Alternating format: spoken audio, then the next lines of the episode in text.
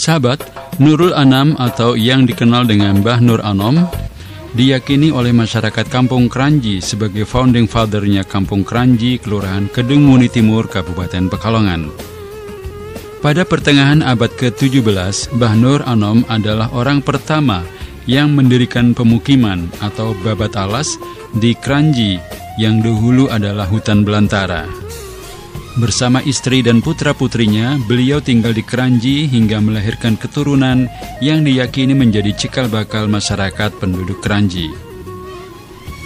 Beliau telah memberikan sumbangsih dan pengaruh besar bagi masyarakat Keranji, mulai dari membangun fondasi masyarakat Keranji, agama, sosial, ekonomi hingga budaya.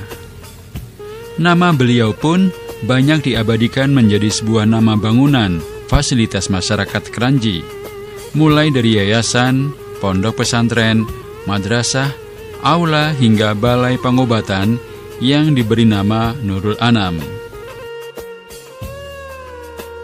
Hingga sekarang masyarakat desa Keranji rutin melaksanakan peringatan Haul Bah Nurul Anam di bulan Rojab untuk mengenang dan meneladani jasa beliau.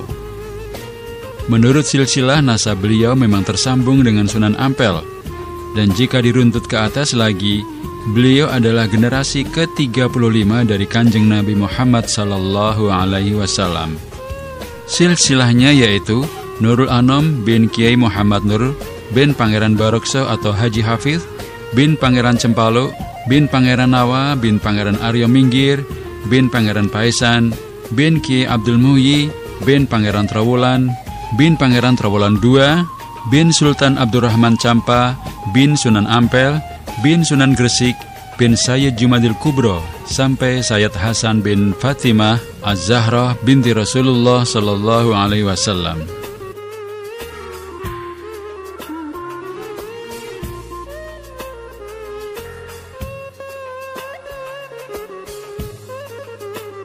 Nur Anom lahir di Desa Geritan, Kecamatan Karanganyar, Kabupaten Pekalongan pada tahun 1650 Masehi.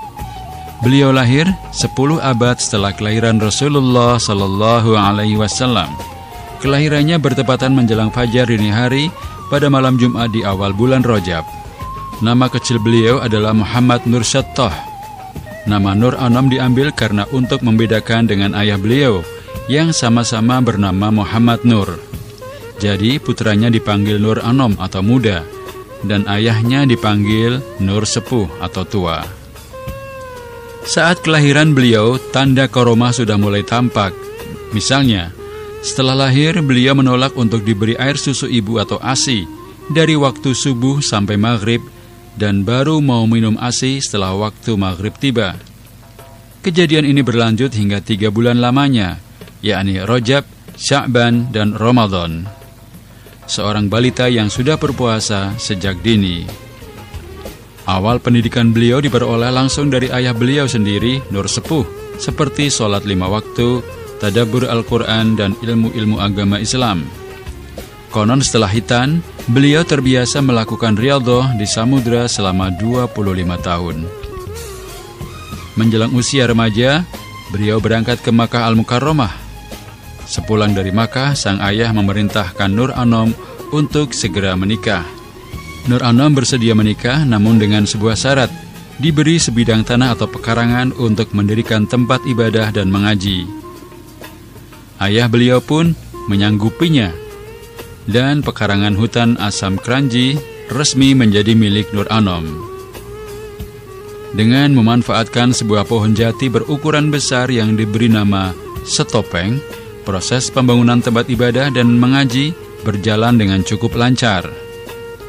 Beberapa sumber mengatakan pembangunan ini beliau lakukan dengan dibantu para murid dari sang ayah yang konon berasal dari golongan jin hingga tidak diragukan lagi bangunan megah berhasil berdiri dalam waktu sehari semalam.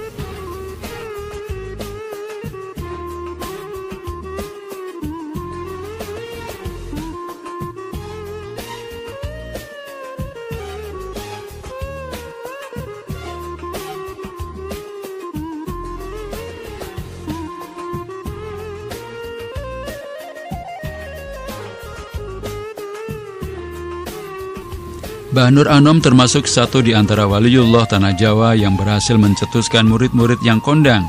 Di antara murid beliau yang paling masyhur adalah Syekh Sayyid Bakri Sato, pengarang kitab I'anatul Talibin, dan Syekh Nawawi Al-Bantani, pengarang kitab Nasai'ul Ibad dan Tafsir Al-Munir.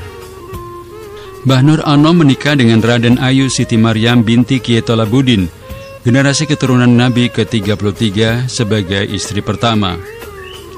Setelah Nyai Maryam wafat, beliau menikah dengan Nyai Sofiah, dikaruniai dua anak yaitu Ma'arif dan Matoriyah.